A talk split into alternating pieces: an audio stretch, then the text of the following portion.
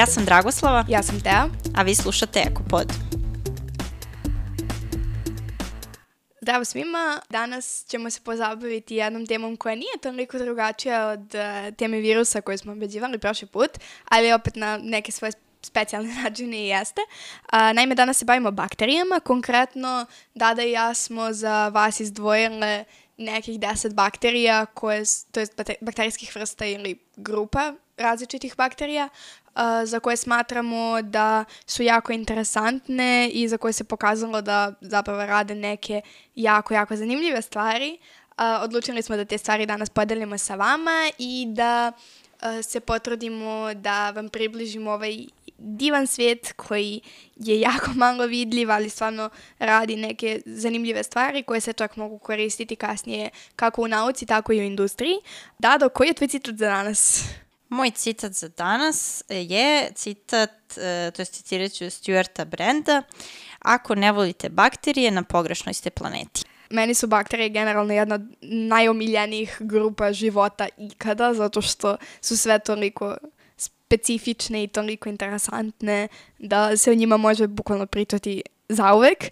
Moj citat za danas je iz knjige Sadrži mnoštva, to je u stvari knjiga Eda Jonga koja se bavi upravo svim onim mikroorganizmima koji žive u nama, to jest i na, našim, na našoj koži, služokoži i u našim crevima i to je ovo je početak nove ere kada ljudi konačno, kada su ljudi konačno spremni da prihvate i uvaže svet mikroba. Odnosno, mislim da tek sad mi počinjamo da shvatamo koliko su nama bakterije važne. Tek je skoro otkriveno da su te bakterije koje mi smatramo kao ok, crevna flora, to tu samo postoji i ne radi ništa, u stvari da bude jako važno i može na jako, jako velikom nivou da utiče na, na naš organizam.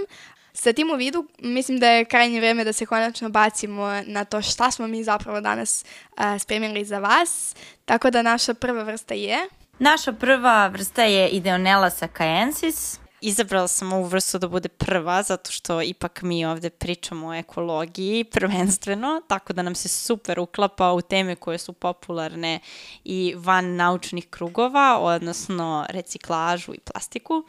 Ovu bakteriju su naučnici pronašli na postrojenjima gde se čuva otpad, odnosno konkretan otpad, a to su plastične flaše i otpad sličan njima koji je napravljen u stvari od pet plastike, za koju ste možda i čuli. Pronađen je 2016. ne tako davno i ta bakterija je u stvari pronađena među mnoštvom bakterija u tim sedimentima, ali su naučnici shvatili analizama raznoraznim da ona u stvari e, razgrađuje pet, odnosno ako imate pet koji je lanac određenih molekula koji se stalno ponavljaju, zamislite da sad ta bakterija može tehnički da sek, secka taj lanac na sitnije delove, a druge bakterije nemaju tu mogućnost, i da onda nekim drugim enzimima te delove još više razlaže i na kraju može da koristi ono što je dobila razlaganjem, odnosno ugljenik i energiju, da koristi za uh, svoje procese životne. Ono što je sad interesantno je što bi se svako zapitao zašto ne uzmemo sve te bakterije i koristimo ih da razložimo sa ovaj pet koji nas je oko zagadio. Uh, radi se na tome da shvatimo kako bakterija ovo radi i da genetičkim inženjeringom ubrzamo ovaj proces, jer uh, ovoj bakteriji, ako nju samo pustimo tako, njoj treba šest nedelja da u stvari razgradi uh, jedan tanak, mekan film plastike, tanak 0,2 mm. Uh, dakle, treba je šest nedelja da to uradi, tako da nije, nije baš mnogo efikasna, ali je fantastično da znamo da postoji živi organizam koji može da razgradi ovaj materijal koji, kojim smo se mi zatrpali u posljednjih nekoliko decenija. E, eto, toliko o ovoj prvoj bakteriji. E, sada čujemo šta nam je Teja spremila. A, da, ja sam, ja sam pošla malo u potpuno, potpuno drugom smeru. Ja sam se više bavila time kako bakterije dolaze, dolaze do energije i iako je nama ono naj e, normalnija stvar da mi udišemo kiseonik i da ga koristimo da sagorevamo hranu i tako eto nama energije, e, nemaju sve bakterije mogućnost da za, za disanje koristi kiseonik. Neke su čak jako osetljive na kiseonik i u prisustvu visokih količina kiseonika mogu i da umru. Različite bakterije mogu da se koriste različitim stvarima i ona jedna koja je bila meni posebno zanimljiva jeste Geobacter metalni reducens. U suštini ova bakterija za prenos elektrona. Dakle, prenos elektrona je jako bitan u uh, ćelijskom disanju, prosto za nastanak samih molekula koji su odgovorni za sve energetske procese u ćeliji i jako je bitno da uh, vi, to je vaše ćelije, imaju gde e, taj višak elektrona da sklone.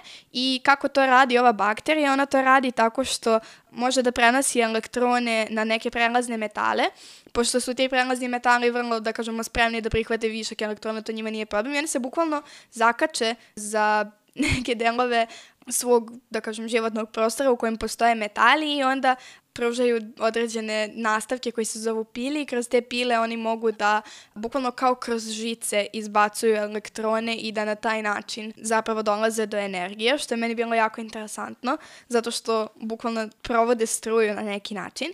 I oni su pre svega jako socijalne bakterije, oni se udružuju u neke grupe i u tim grupama postoje uh, jedinke koje upravo to radi, dakle koje se rešavaju elektrona i koje su vezane za te a, metale, ali naravno nemate svuda istu koncentraciju metala, pa tamo gde ima manje metala će biti one ćelije koje će uzimati hranu iz poljašnje sredine i obezbeđivati hranu. Tako da oni imaju poprilično lepu podelu poslova i jako su spremni da svoje resurse dele jedni sa drugima, što je možda nešto što bismo i mi e, sami od njih mogli da naučimo. Kada već pričamo o struji, mogli bismo pričati o magnetizmu, Tako da to je dada sa našom trećom mm. bakterijom za danas. Da, to je treća bakterija, Magnetospirillum magneticum. Ako nije jasno o čemu se radi kod ove bakterije, u pitanju je bakterija koja praktično, možemo da kažemo, u sebi ima kompas. Da objasnimo kako to funkcioniše, ona ima specifične organele, drugačije od ostalih bakterija i u tim organelama Praktično ona kada usvoji gvožđe iz poljašnje sredine, to gvožđe interaguje sa određenim proteinima i kao rezultat nastaje mineral magnetit. To je mineral koji ima najjača magnetna svojstva u principu i šta se dešava? Ove male strukture u ćeliji se poređuju bukvalno kao kazaljka na kompasu i govore na taj način bakteriji gde da se upravi kada je u pitanju magnetno polje, odnosno ona uvek zna gde je magnetno polje, pošto je ono najjače u središtu zemlje, bakterija tačno zna gde je dole, a gde je gore, tako kažemo ove bakterije žive u vodi, u okeanima i potrebna im je određena količina kiselnika da bi normalno funkcionisale, pa tako u plićim vodama ka površini ima više kiselnika, a kako idemo dublje, tako je kiselnika sve manje i manje. I one moraju uvek da se nađu na određenoj dubini, odnosno na onoj dubini gde ima naj, dovoljno kiselnika za njih, ali ne previše i zahvaljujući ovom njihovom kompasu one mogu da odluče da li da idu malo niže jer ima previše kiselnika trenutno ili da idu na gore kada im zafali kiselnika pričamo o, ovde o, o zemlji na magnetnom polju, međutim svakako zemljino magnetno polje nije jedina stvar koja se može uočiti iz svemira, tako da pričali bismo malo i o nekim drugim stvarima koje možete da pronađete u svemiru. Jedna od tih je bakterija, Gleokapsa magma, koja je zapravo cijena bakterija, ima mogućnost da vrši fotosintezu i da sama sebi stvara hranu.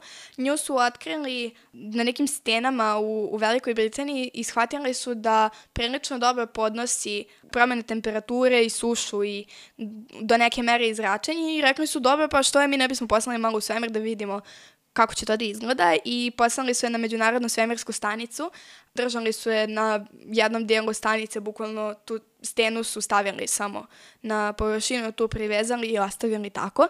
I nakon čak 553 dana, kada su ponovo uzeli te stene da vide šta se dešava, većina tih bakterija je ostala živa. I to je, dakle, godinu i po dana u svemiru bile su izložene zračenju, bile, bile su izložene ekstremnoj suši, bile su izložene ekstremnim promjenama temperature, mada i dalje su uspele neke od njih da prežive i sad se postavilo pitanje kako i prvo su mislili da je to do toga što ove bakterije imaju jako, jako debele ćelijske zidove i to međutim nije bilo dovoljno da se objasni kako su i dalje one uspele da prežive, kako ih nešto nije spržilo. Ispostavilo se da se one skupljaju kao na neke gomile i onda ćelije koje su u sredini su praktično na neki način ušuškane od strane ovih ostalih, pa imaju veću šansu za preživljavanjem. Dakle, naprave tako, tako jednu koloniju i ove spoljašnje ćelije se praktično žrtvuju i budu spržene svim tim zracima, ali ove unutra i dalje mogu da, da na neki način opstanu. Da, vraćamo se sad malo na, na zemlju, odnosno u zemlju. Šta se to nalazi u zemlji? U zemlji odnosno u zemljištu se zapravo nalazi jedna bakterija za koju smo verovatno svi čuli. U pitanju je streptomices i ova bakterija je svima vama poznata po jednoj pojavi za koju verovatno niste ni znali, ja dugo nisam znala da ima veze neki s bakterijom, a to je zapravo miris kiše. Kad padne kiša, pa onaj miris koji osjećamo i onako vlažno zemljište koje osjećamo, Postoji čak i teorija da su ove bakterije posebno važne nama i životinjama, zato što su e, naši preci zapravo vođeni ovim mirisom pronalazili vlažno zemljište, a samim tim i vodu koja im je bila potrebna. A drugi razlog zašto su nam ove bakterije važne jeste što one proizvode najveće količine prirodnih antibiotika koje mi koristimo danas. E, čak smo i čuli verovatno svi za streptomicin. Taj antibiotik se sada manje koristi u toj formi streptomicina, ali definitivno jedan od najvećih izvora antibiotika za nas upravo je iz ove bakterije to je zemljište i to je normalno. Navikli smo da imamo bakterije u zemljištu gde ne biste očekivali da nađete bakterije. Jel imamo takvu bakteriju? Uh, pa da, ne bismo očekivali da ih nađemo tamo gde ništa drugo apsolutno ne može da preživi. Međutim, ispostavljamo se da su bakterije neke jako, jako, jako lepo adaptirane i sasvim normalno žive u neuslovima, to jest u uslovima koji bi nama bili apsolutno nezamislivi za život. A, jedan od takvih je uranijum i ostali radioaktivni materijali. Tu možete pronaći bakteriju koja se zove Deinococcus radiodurans i zašto je ona posebna? Ona je posebna zato što može da izdrži količine radijacija koje su 2000 puta veće od onog što bi ubilo čoveka i ljudi su videli ovaj, da očigledno nešto, neki mehanizam postoji koji štiti tu bakteriju od toga da ona prosto umre. Mislim, ok, ljudi bi, na primjer, od tog zračenja dobili, na primjer, kancer ili bi došlo do nekih teških oštećenja tkiva, ali bakterija, prost jednoćelijski organizam, trebalo bi odmah da umre. Međutim, to očigledno nije tako i kada su naučnici uzeli da vide šta se to sa tom bakterijom dešava, generalno nešto što je opšte prihvaćeno to je da ionizujuće zračenje utiče nepovoljno na našu DNK, da dovodi do prekida lanaca i da zbog toga ćelije ne mogu da prežive i da se dalje razmnožavaju. Međutim, ispostavilo se, a to smo saznali zahvaljujući ovim bakterijama, da to nije jedina stvar koja je, koja je tu u pitanju. Kada su radili istraživanja na zracima kao što su X, X zraci, gamma zraci i ultraljubičasto zračenje za koje već davno svi znamo da ne bi trebalo da mu se izlažemo. Otkrili su i nešto drugo, a to je da je zapravo prisustvo zračenja jako negativno uticalo na proteine koji se nalazi u ćeliji i to je bio jedan um, novi pogled na stvari jer da kada gledamo sada ima smisla da bez funkcionalnih proteina ćelija ne može da ovaj, nastavi da živi kada se prekine DNK, postoje neki određeni mehanizmi u ćeliji koji su zaduženi za to da to poprave, da, ne znam, vrate lanac ponovo da bude kao jedan ili ako dođe do jednolančanog prekida da samo dodaje ono što je ostalo, ali to upravo rade proteini. I ako se vama desi da vi imate nefunkcionalne proteine koji treba da vam poprave DNK, onda će to zračenje mnogo više uticati na vaše ćelije. Tako da ono što se trenutno posmatra jeste dakle, kako tačno funkcioniše oštećenje proteina, kako to može da se spreči i to je trenutno neki pravac u kome se razvija i istraživanje samog same radijacije, to možda može jednog dana čak i da nam posluži za neka istraživanja vezana za svemir. Ok, dali smo primer bakterije koja živi u zemljištu, koja živi na radioaktivnim materijalima. Uh, ja bih da onda sad pomenem da bakterije takođe žive i u posebnim strukturama koje grade zajedno sa biljkama, odnosno korenovim sistemom biljke. Konkretno su u pitanju mahunarke i bakterije koje ulaze u ovaj odnos sa mahunarkama zovu se rizobije ako već treba da izdvojimo jednu koja je primer, ja bih izdvojila Mezorizobijom Loti. Ona ulazi u ovo partnerstvo sa Lotusom i ja posebno volim jer sam radila sa njom. Ali zapravo sve rizobije su mi veoma interesantne jer cijela ta priča je sledeća. Mahunarke e, ne mogu same sebi da obe, obezbede azot iz atmosfere. Jednostavno nemaju tu sposobnost, a bakterije koje, ove rizobije koje ulaze u ovu simbiozu, e, ne mogu sebi jednostavno da obezbede šećere i energiju na taj način.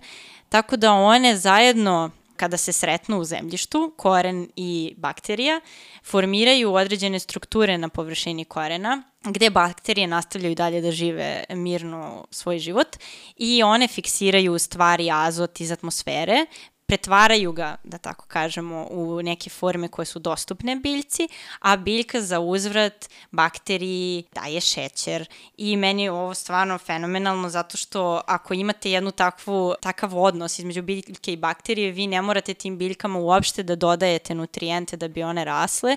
Ono što je problem danas i ono zašto se zalažu naučnici jeste da se zapravo vratimo ovom odnosu i zato se ovo sve i izučava, uh, jer biljke su zapravo dosta otpornije i na sušu i na druge probleme kada su u ovom prirodnom odnosu, a ako mi dodajemo njima nutrijente, odnosno azot, da bi one kao brže rasle i samim tim one nemaju potrebu da ulaze u simbiozu, bakterije nikada ni ne dođu u kontakt sa njima, biljke zapravo nisu uopšte toliko efikasne. Tako da eto jednog primjera gde je priroda udesila sve kako treba, bakterije imaju veliku ulogu u agrikulturi u tom smislu, zbog toga sam izdvojila ove bakterije posebno jedna jako, jako, jako lepa priča o miru. A, nekako kad mi pomeneš taj lotus, to mi sve nekako deluje jako opušteno i lagano. Međutim, naravno nije uvek tako. Čak nekada i neke ozbiljnije, da kažemo, situacije nas dovedu do toga da a, se posvetimo izučavanju nekih bakterija, pa tako i ove sledeće. Naime, u građanskom ratu koji se dešava u 19. veku u Sjedinjenim američkim državama, uh, shvatili su uh, vojnici u jednom trenutku da nekim od njih svetle rane. I to su svetlile nešto plavo-zeleno noću i nikome nije bilo jasno šta se to dešava. A, međutim, ispostavilo se da su oni vojnici koji su bili ranjeni i čije su rane svetlele tom čudnom plavo-zelenom bojom zapravo imali veće šanse da prežive od onih koji to nisu imali i nikome nije bilo jasno zašto. Jedno vreme su mislili, uh, zvali su ganđarski sjaj, mislili su da ih Bog čuva ili da je to neka magična sila koja eto tako njima pomaže da oni prežive. Međutim, u pitanju je bila jedna bakterija. Njeno ime je Photorhabdus luminescens i ono što ona radi upravo pored toga što svetli, jeste što se hrani nematodama. To je jedan određeni tip crva i stvar sa tim crvima jeste upravo o tome što su i oni jako skloni inficiranju ljudskih hrana i što izazivaju jako velika oštećenja i prave jako velike probleme i zbog toga bi ljudi, ljudi umirali. Međutim, ova bakterija kada bi se nastanila na rane i tako svjetlila, ona bi upravo privukla te crve, ali bi ih odmah nakon toga i pojela. Tako da ova bakterija koliko god onako neobično izgledala i koliko god da nama nekada da zvuči kao ja inficirao si se bakterijom, to je mnogo strašno. Ova bakterija nije uopšte patogena, dakle ne izaziva nikakve bolesti, ne pravi nikakvu štetu, ona samo živi tu i njoj je lepo, a za uzrat vas štiti od drugih uh, mogućih napadača, da tako kažem, u ovom konkretnom slučaju crva. I da, jako je, jako je lepo kad se, kad se tako jedan dobar prijatelj, da kažemo, zalepi za vas. A kad smo kod lepljenja, mislim da Dada ima nešto više da nam kaže o tome. E, da, postoji jedna bakterija koja proizvodi i lepak, vrlo jak lepak. E, zove se e, Caulobacter crescentus I ono što je vrlo interesantno kod nje jeste da kada se jedna ćelija, ove bakterije, odnosno jel te bakterije uvek imaju jednu ćeliju, ako to nismo pomenuli na početku, uh, kada se ova bakterija podeli, te dve čerke ćelije, kako ih zovemo, koje nastanu, nisu iste, što je interesantno i čudno. Ne znam da li postoji još takvih primjera. E, jedna ćelija koja nastane je mobilna, može da se kreće, dok druga ne može i dok, dok su još uvek one povezane, ova koja se kreće prosto obe ih vodi gde, gde treba i gde im je povoljno, a druga ima sposobnost da stvori lepak i da se zakači za površinu. I sad ove bakterije su interesantne za izučavanje zato što su one jedne od prvih u stvari koje nastanjuju nove vlažne površine. E, u smislu da ne znam, ako na primjer imate brod i tu dođe do prosto voda se nađe na nekoj površini, ovo je prva bakterija koja će tu da, da nastani tu površinu i interesantno je da bukvalno normalnim e, sredstvima kojima biste čistili, na primjer jakim lazom vode i slično, ne možete da otklonite ovu bakteriju s te površine i naučnici su vrlo zainteresovali za ovu pojavu, pokušavali su da zaključe koja je to silina kojim je potrebno delovati na ovu bakteriju da bi se ona odvojila od površine e, za koju se zalepila i pronašli su da je zapravo ta sila tri puta veća od sile koju je potrebno da upotrebite za super lepak. Tako da ovaj lepak je vrlo koristan za naučnike da istražuju, jer očigledno opstaje u vlažnoj uh, sredini, tako da mogu da mo, potencijalno može da se koristi kao medicinski lepak, odnosno lepak koji se koristi za lepljenje tkiva, na primjer na, za kožu umesto šavova da se koristi za lepljenje, ali to naravno ostaje da, da izučimo. I setila sam se samo, ovo je totalno off topic, ali pošto si pričala o svetlućoj bakteriji koja nam je praktično korisna. Malo pre uh, setila sam se da postoji bakterija koja nam nije baš toliko korisna, a vrlo slično radi, odnosno pseudomonas fluorescens. uh, I vrlo interesantno zato što se ljudi potpuno zbune, najčešće nju možete da nađete u parčetu mesa koje nije baš najbolje i onda kada je mrak i vidite da parče mesa svetli, e, ono nije ozračeno ili tako nešto, u njemu se nalazi ova bakterija i ne bi trebalo da ga jedete. A isto lepo svetli zeleno-plavo, vrlo simpatično. Ne, ja, ja ne znam da li ti mene pokušavaš da, da sabotiraš pričom o svetlećim bakterijama, onda kada ja spremim svetleću bakteriju koju hoću da pričam, ali svakako, posljednja bakterija za danas bit će upravo jedna, jedna svetleća bakterija, a to, je, to su bakterije iz uh, roda Alivibrio. Za njih se ranije smatralo da pripadaju istoj grupi bakterija kao i one koje prouzrokuju koleru, međutim po nekim novim klasifikacijama su izvene kao posebna grupa. Ono zašto su neke vrste iz ovog roda jako interesantne jeste to što se nastanjuju u lignjama. Lignje nakon što se rode, dok su još male, iz okolne vode preuzimaju te bakterije i zapravo ove lignje obezbeđuju bakterijama mesto da se nastane i odgovorne su za ovaj, dostavljanje hrane istima. I ono što bakterije rade za uzvrat je me, meni barem prosto, prosto fenomenalno, uh, s obzirom na to da se ove uh, lignje hrane pre svega škampima, koji se u vodi, da kažemo, nalaze ispod njih i onda moraju da plivaju iznad škampa, da ih uoče i da ih pojedu, a da za sve to vreme budu sigurne da škampi ne mogu da ih primete. Pritom, lignje u odnosu na škampe su povelike, tako da a, bi svaka senka od ozgo šta, škampima mogla da bude jako, jako dobar indikator da nešto upravo želi da ih pojede. Ono što ove bakterije rade jeste da svetli, jel te, fluoresciraju i samim time škampi kada gledaju od ozdo mogu jedino da vide a, nešto svetlucavo, pomisle da je, da je to zapravo poreklom od mesečine, pošto su navikle da, a, jel te, svetli od ozgo, od ozgo noću i u tom trenutku ne mogu da vide tu lignju i lignja je u stanju da ih pojede. Ovo je meni barem jedan jako genijalan način da se, um, da se neki organizmi snađu za, za svoj sledeći obrok. Nisam sigurna koliko bi se škampi složili, ali, ali definitivno je jedan od genijalnih načina na koji se organizmi snalaze i to nam samo, ja mislim, pokazuje koliko je evolucija prosto jedna prelepa stvar i koliko su a, raznoliki organizmi, koliko su na neki način dovitljivi, iako ništa od toga nije namerno, nego se to eto slučajno desilo i onda su shvatili, hej, pa ovo bi meni možda moglo da bude korisno mnogo je interesantno kada govorimo o bakterijama. Mislim da, mislim da mi nikada neće ono, ponestati uh, interesantnih stvari koje ću pročitati o nekoj novoj bakterijskoj vrsti koja je pronađena negde na nekom potpuno neočekivanom mestu i mislim da kao realno uh, zanimljivih činjenica o bakterijama nikada ne može biti previše, zato smo Dada i ja za vas danas spremile još dve, odnosno svaka od nas po jednu.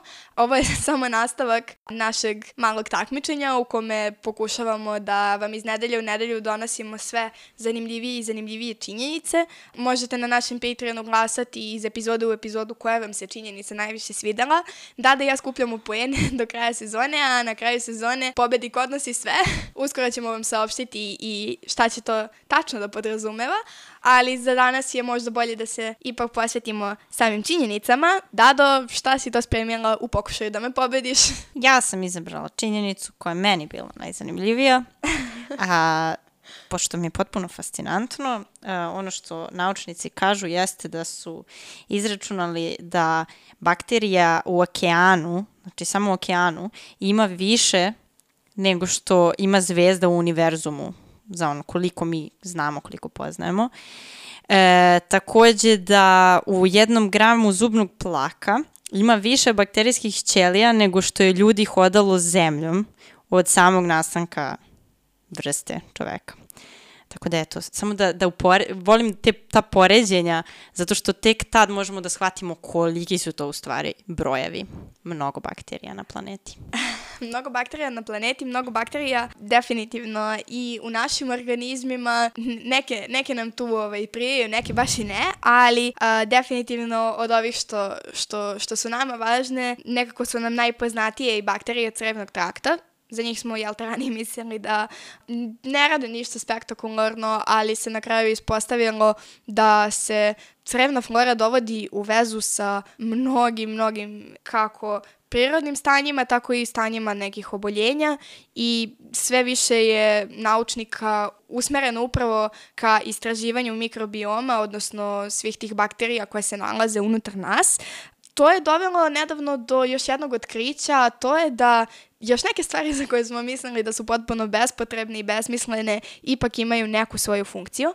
Naime, slepo crevo, odnosno appendix, odnosno taj krajnji nastavak slepog creva, sam kraj slepog creva, uglavnom onaj deo koji se upali i onda morate da ga operišete i pravi jako veliki problem i ljudi su mislili da je to samo neki, eto, ostatak evolucije koji je tu da nam pravi problem. Međutim, ispostavilo se da slepo crevo, odnosno njegov kraj ima jako, jako važnu, važnu ulogu kada je u pitanju upravo održavanje zdravog mikrobioma, odnosno kada se u vašim crevima desi nešto neočekivano i dođe do nekih problema koji se prave ovim bakterijama, na primjer kada pijete antibiotike, pa umesto onoga što hoćete da pobijete, uglavnom pobijete i sve ono zdravo što vam treba, pa zato morate da pijete probiotike, odnosno da unosite te neke nove ovaj, bakterijske kulture koje su karakteristične za creva, kada dođe do, ne znam, nekih oštećenja creva, do nekih oboljenja, uglavnom za tu priliku upravo se čuva slepo crevo. U slepom crevu se nalaze upravo kolonije tih bakterija koje su karakteristične za naša creva i koje u tim kriznim situacijama omogućavaju zapravo da se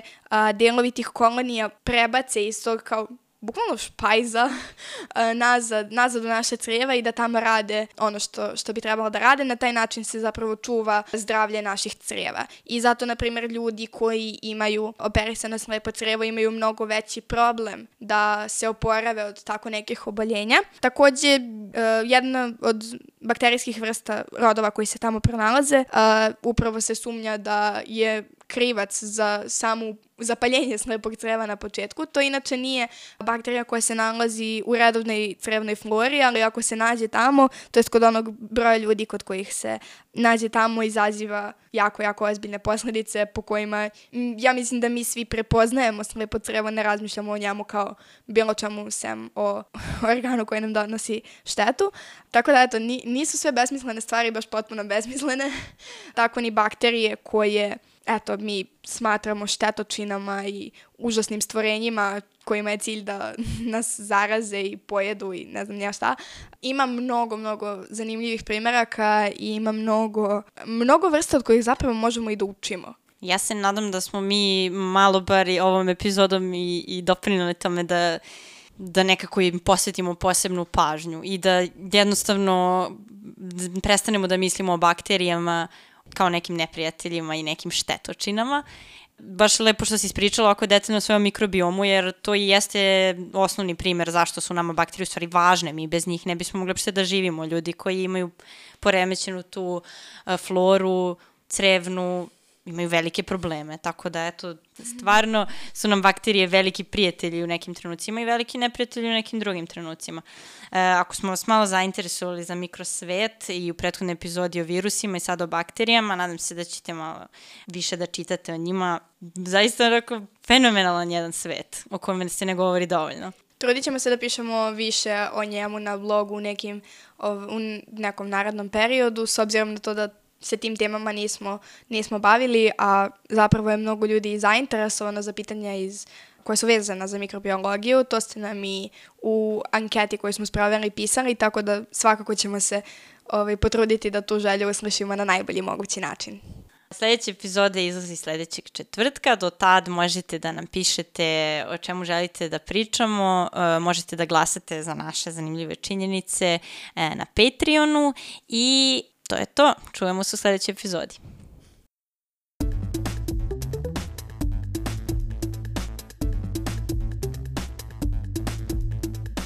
će omogućiti uh, da biljke dobije neku energiju, to je biljke, bakterije. o ne, ja moram što početi. Samo reci da... Možete naći u svemiru, a to je gleokapsa maga. Pričali bismo o nekim drugim stvarima koje možete naći u svemiru, a to je gleokapsa maga. Pričali bismo i o nekim drugim a, stvarima koje možete da pronađete u svemiru, između ostalog Gleopaks... Gleokapsa... ok. Dobre, okay. dobre, sve koji je antibiotik, on je najprostranjeniji zapravo, a ono što... Vrati, vrati, naj, hm? najrasprostranjeniji. Da. Aj, malo... Ok, aj iz početka, iz početka, jednako nisam lepo. Zračenje, uh, to jest ionizuju, ioniz, zoni, jo, um, uh, mnogo, mnogo, mnogo, mnogo, mnogo, uh, čutim.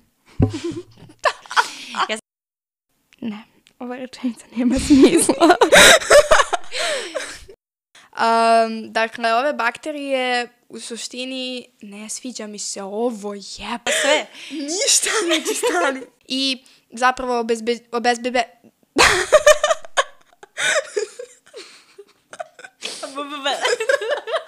Kuku.